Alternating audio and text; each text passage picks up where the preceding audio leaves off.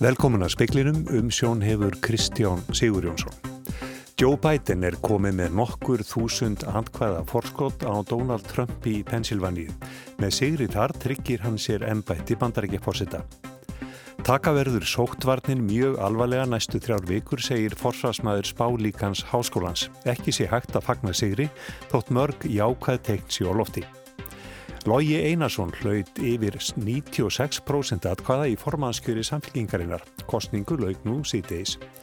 Aldrei hafa fleiri COVID-smitt mælst á einum sólarhingi svíþjóð eins og á þeim síðasta, eða hátt í 4700. Búist er við hertum, hertum aðgerðum, jafnvel útgöngubanni. Yðnaðar á þeirra segir að mikla í húsum sé stort og alvarlegt vandamál.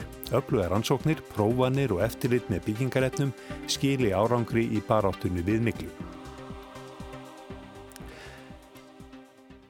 Joe Biden, forseta einni demokrata, hefur aukið forskott sitt á Donald Trump forseta í Pennsylvania eftir því sem liðið hefur á daginn. Hann hefur einni fórustuna í Arizona, Nevada og Georgiu. Í nokkrum þeirra er þó svo mjótt á munum að fjölmiðlar Vestanhafs telja ótíma bært að lýsa hann sigur vegara kostningana. Drátt fyrir að Joe Biden hafi gengið flest í hægin í Georgíu og sérilagi í Pennsylvania í dag hefur hann ekki líst yfir sigri. Fjölmiðlar Vestanhafs, svo sem AP-fréttastofan, eru á því að munur á frambjóðandunum í nokkrum ríkjum sé svo lítill að það sé ekki tímabært.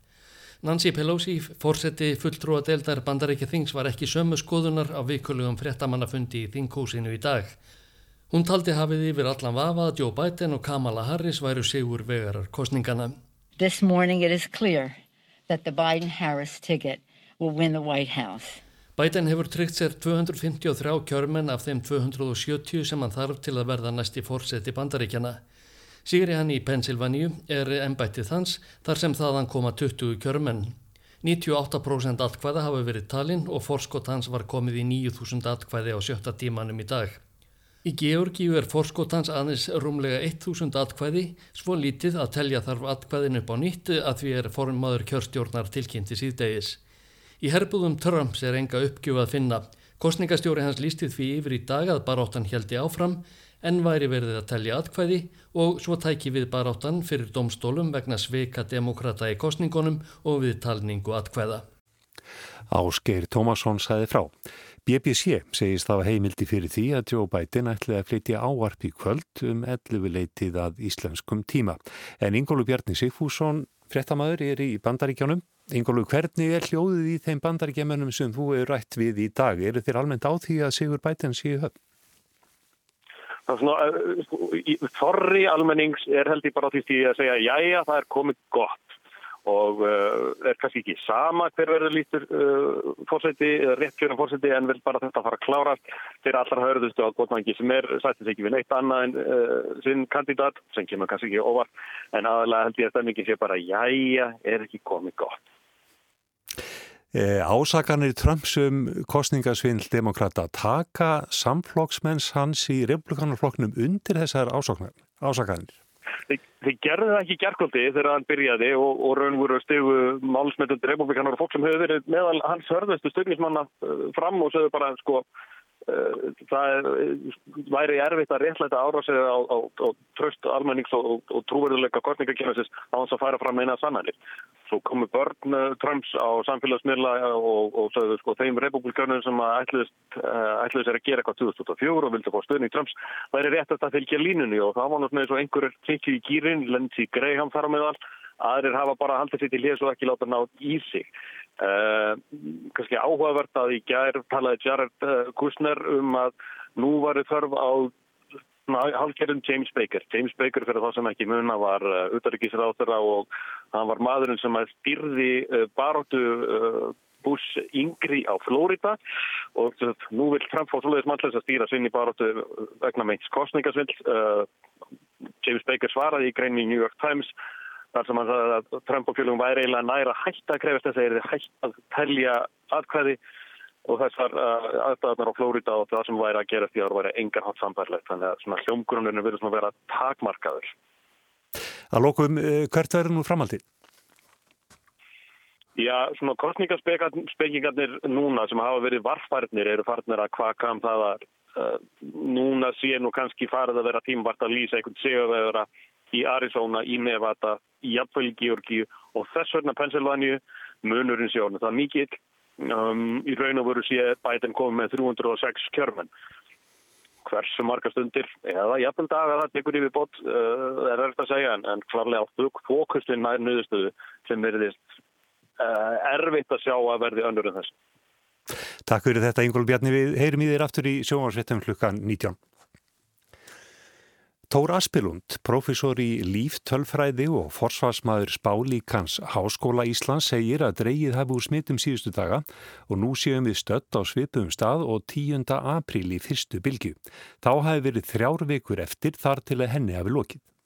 Þó þetta sé stæri lækandi en samt að hugsa þetta bara núna, þryggja vegna kapli, taka þetta mjög alvarlega. Ef maður horfir á bylgjuna bæði þá fyrstu og núna þá þriðju, þá er hún svona núna á leiðinni aflýðandi niður. Er hægt á því að hún taki stökk upp aftur þegar svona fán í smitt greinast? Já, við allavega tölfræðilega, þegar við erum að meta smittstuðulinn, þá viljum við sjá hans sé margtækt komin undir einn, að sé, hver einstaklingu sé ekki að smita fleiri en einn, en núna er þetta akkurat á mörkunum. Það er akkurat efri mörkin í líkendabilinu ná rétt yfir einn. Þannig við getum ekki alveg hrósað nefnilega sigri strax og við verðum bara aðeins að býða þólumóð. Þó það sé mörg í ákvað merki á lofti, en það er samt ekki hægt að fagna sigri. Saði Tór Aspelund í viðtali við Þórdísi Arljótsdóttur. Lógi Einarsson var endur kjörinn formaður samfélkingarinnar með yfir 96% atkvæða á landsfundi flokksins sem hófst í dag. Hann segir að stærsta áskorun stjórnmálana á næstum missurum sé að berjast gegn vaksandi atvinnuleysi. Um 1000 fulltrúar taka þátt í fundinum sem fer að mestu fram með rafarænum hætti, fundurinn hófst klukkan fjögur í dag og líkur á morgun. Lógi var einni frambúða til formans, hann segir nöðsynlegt að halda sjó í efnagasmálum og skapa fleiri störf hér á landi til að berjast gegn vaksandi atvinnuleysi. Í augnablikinu er, erum við að upplifa atvinnukreppu og við þurfum að skapa vinnu fyrir fleiri þúsund manns. Í öðru lagi þurfum við að sjá til þess að uh, kreppan býti ekki hart á þeim sem að vest verða fyrir henni, þannig að við þurfum að tryggja velferðina og síðan auðvitað þegar henni líkur þurfum við að bú okkur undir uh, grænni og sjálfbærari og betri framtíð til þess að takast á við loftlagsbreytingar.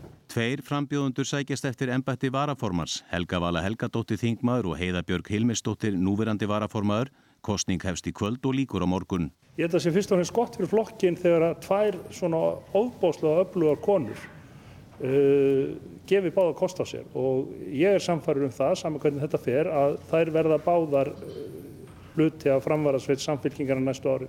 Þetta er ekki til marg sem það að það sé einhver óanægða með fórustuna? Það er gott í opnum líðræðislegum samtökum þegar að allir eiga möguleika á því að taka þátt að það séu skipta skoðanir. Saði Lógi Einarsson, höskuldur Kári Skram tók saman. Yðnaðar á þeirra segir að rannsóknir og prófanir á miklu skerðist ekki þegar nýsköpunan við stöð verður aflöðum áramótin. Eftirlit með innfluttu byggingaretni færist til húsnæðis og mannvirkjastofnunar.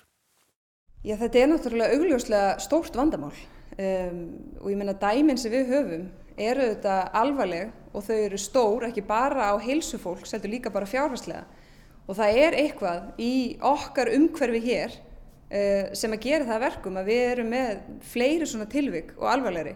Hvernig tryggjum við að þessum, þessum mál séu í lægi að þínum að því? Við gerum það annars vegar með öflugum rannsóknum, við gerum það auðvitað með örugu eftirliti, með reglulegum prófunum og ríkum kröfum, bæði hvað var þar eftirlitið en auðvitað ekki síður þeirra sem eru bæði að flytja inn, eru að byggja og svo auðvitað bara með fræðslu. Það er það sem ég held að allir séu sammálum við þurfum að leggja ofur áherslu á það er að miðla upplýsingum og fræða alla sem að þessu koma til þess að við komum í veg fyrir vandamálun en séum ekki ómiklu mæli að fókusa á hvað við getum gert til þess að laga vandamálu þegar þau hafa komið upp. Sagði Þórdís Kolbrún Reykjörð Gilvadóttir í viðtali við Bjarnar Rúnarsson. Og við erum komin í samband við Silju Báru Ómarsdóttur, stjórnmálafræðiprofessor. Silja Björn, hvernig metu þú nú stöðuna í fórsetakostingunum í bandaríkjónu verða fórsetaskipti?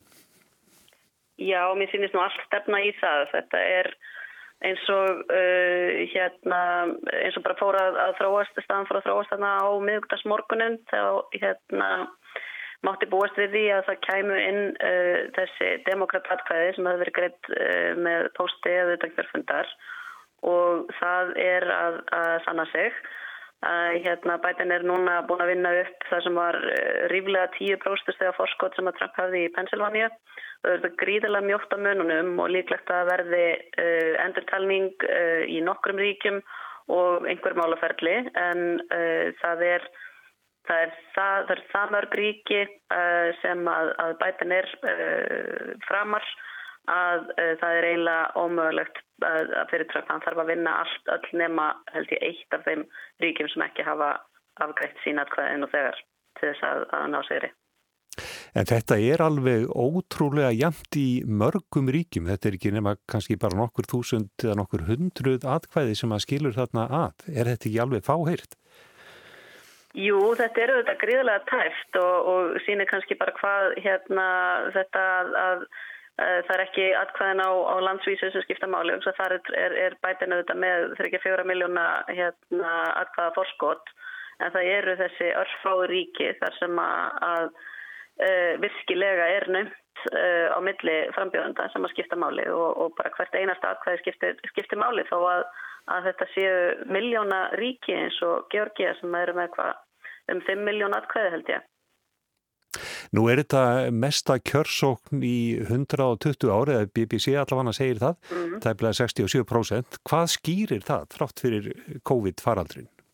Það eru auðvitað tækifæri til að, að greiða atkvæði snemma og utan kjörfundar og með posti. Það er fjöldi ríkja sem að rýmkaði sína reglur um það hvernig væri hægt að, að greiða atkvæði og uh, það eru greinlega margir sem að nýtta sér það stuðnisfólk Trump skreinlega mætti á kjördag uh, hérna, eins og fyrstu atkvæðin í flestum ríkjum síndu. Þau eru talin uh, víðast hvar voru þau talin fyrst, þau sem greitt voru uh, samdagurs.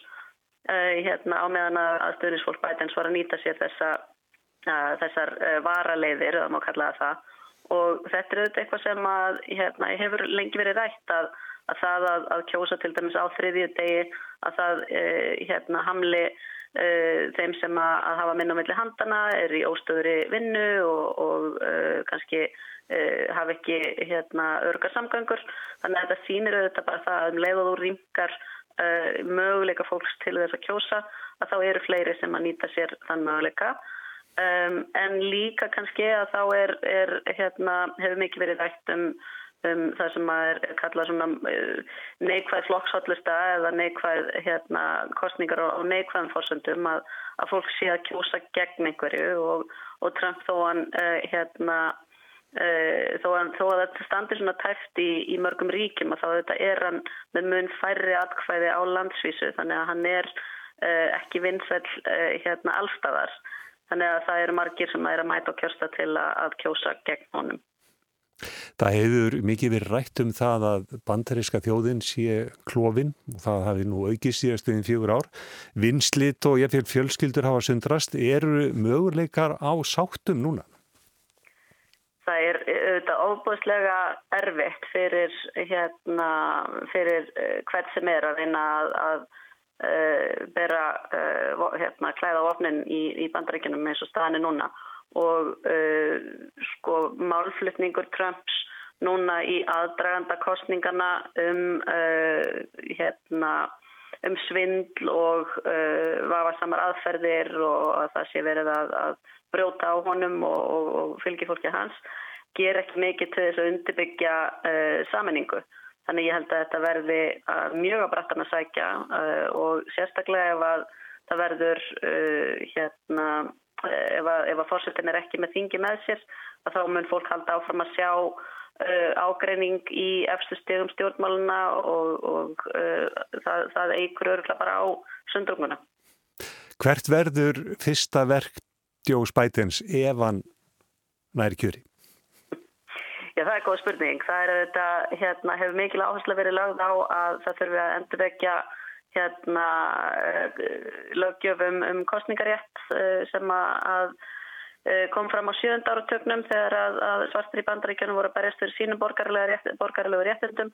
Það hefur verið þrengt mjög að uh, þeim lögum á, upp á síðkastið uh, þannig að ég geti trúa að það verði uh, framalega á alþjóða vettvangi geti trú að það verði eitthvað sem að tengist annarkost að koma aftur inn í Parísasamkominlega eða, eða gefa vísbendingar um það. Þetta er náttúrulega kannski þetta er svona fyrsta sem að uh, ég get ímynda mér að, að verði á, á dagskráin.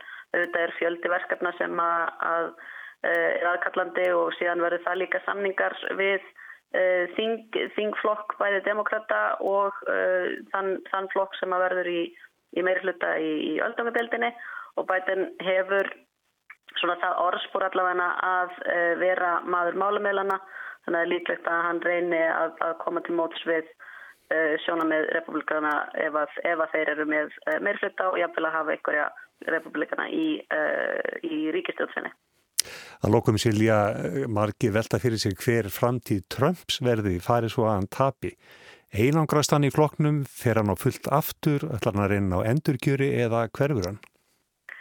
Um, ég, sko, ég var erfitt með að sjá fyrir mér að, að uh, flokkurinn uh, skapi fyrir hann rými til þess að fara í endurkjör aftur eftir fjögur ár. Hann vissulega er þið þá jafnaldri bætans í dag, svona um það bil, þannig að það ekkit, væri ekkit óheirt að, að, hérna, að, að svofullari maður væri í frambóði en, en hann væri þá komin að nálagt aftræðu og það, er, það heyri til undantekninga að svona fullortni menn sé í frambóði.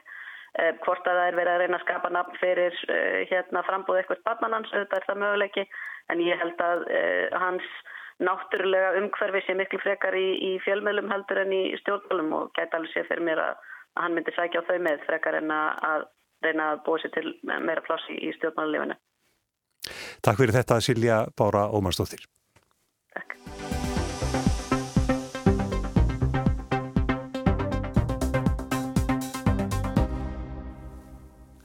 Nær 4700 COVID-smitt hafa greinst í Svíþjóð síðasta sólaring. Það mesta frá upphafi faraldusins.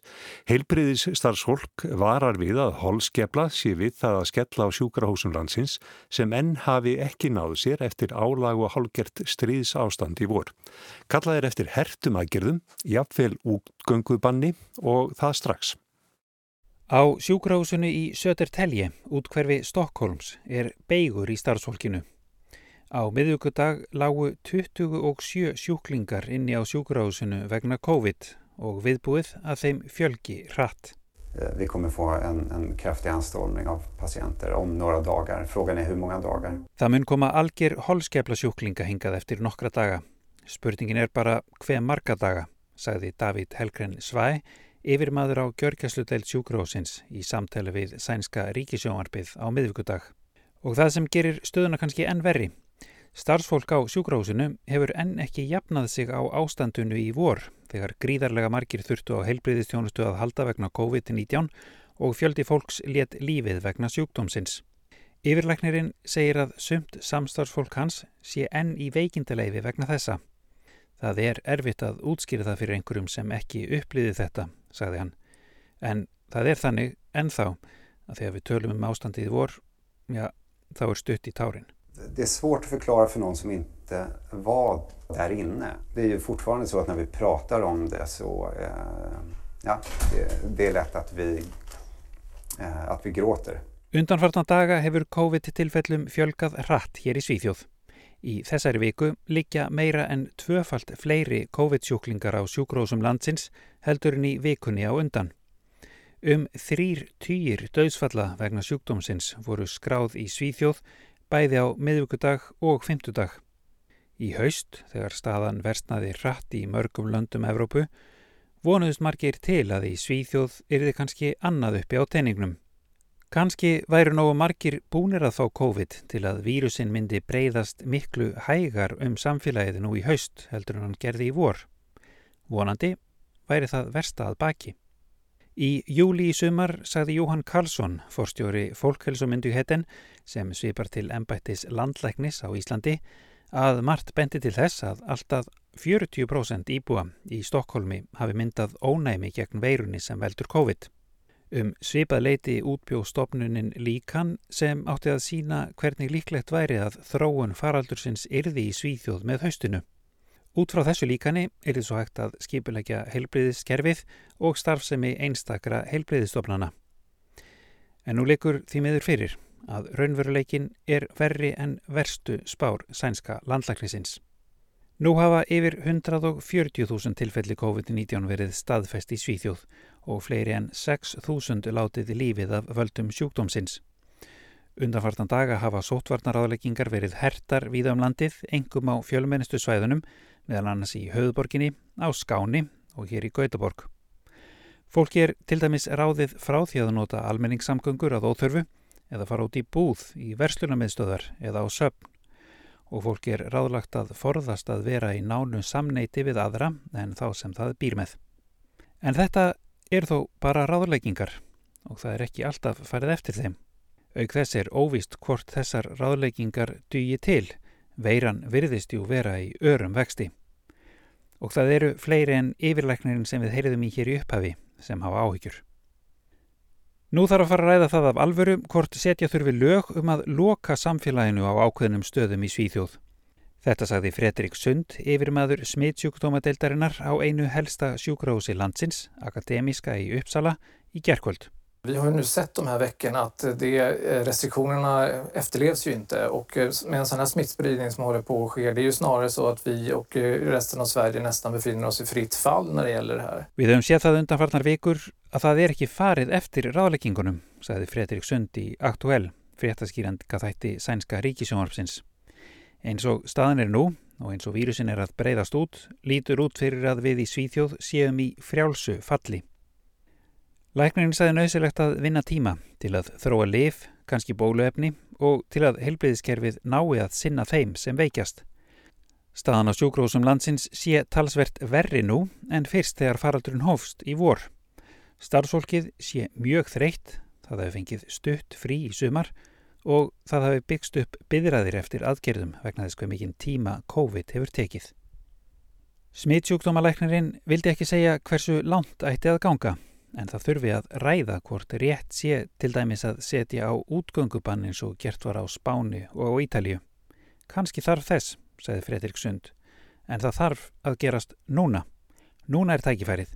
Ef það verður beði með það í nokkrar vikur, men det inte ha någon áhrif. Och jag tror att det är viktigt med en timing nu och det har vi pratat mycket om. När ska åtgärderna sättas in? Och jag tror att det är nu man kanske har chansen att göra något om, om några veckor eller en månad. Då tror jag det här är verkningslöst för då tror jag vi har fått en större spridning. Lena Hallengren, félagsmálar á þeirra svíþjóðar, sagði í morgun að það væri þegar verið að loka samfélaginu að stórum hluta með þeim ráðleggingum sem teknar hefðu verið upp í stórum hlutum landsins. Hún sagðist þó ekki sjá fyrir sér að setja lögum útgöngubann eða nokkuð í þá áttina.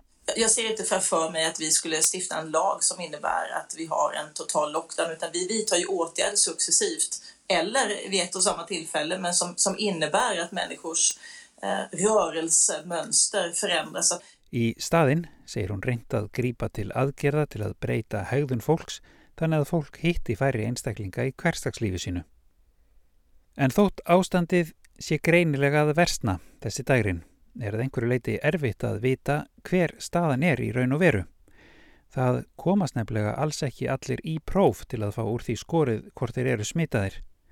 Þegar staðan var sem verst í Svíþjóði í vor var það aðalega fólk sem þurfti að leggjast inn á sjúkrós sem sendt veri COVID-próf og svo heilbriðistarfsfólk. Annars var fólk einfallega hvað til að halda sig heima við væri það veikt og nú veriðist aftur orðið erfitt að komast í próf. Þegar fréttamenn sænska ríkisútvarfsins reyndu í vikunni að komast í COVID-próf hér í Gautaborg gáttu þeir hverki bókað tíma og það á sama tíma og vírusin er að breyðast sífælt hraðar út í borginni og mikilvægt fyrir fólk að vita hvort það sé smitað eða hafi verið í samskiptum við einhvern sem var smitaður. Þetta er Kári Kílásson sem talar frá Gautaborg.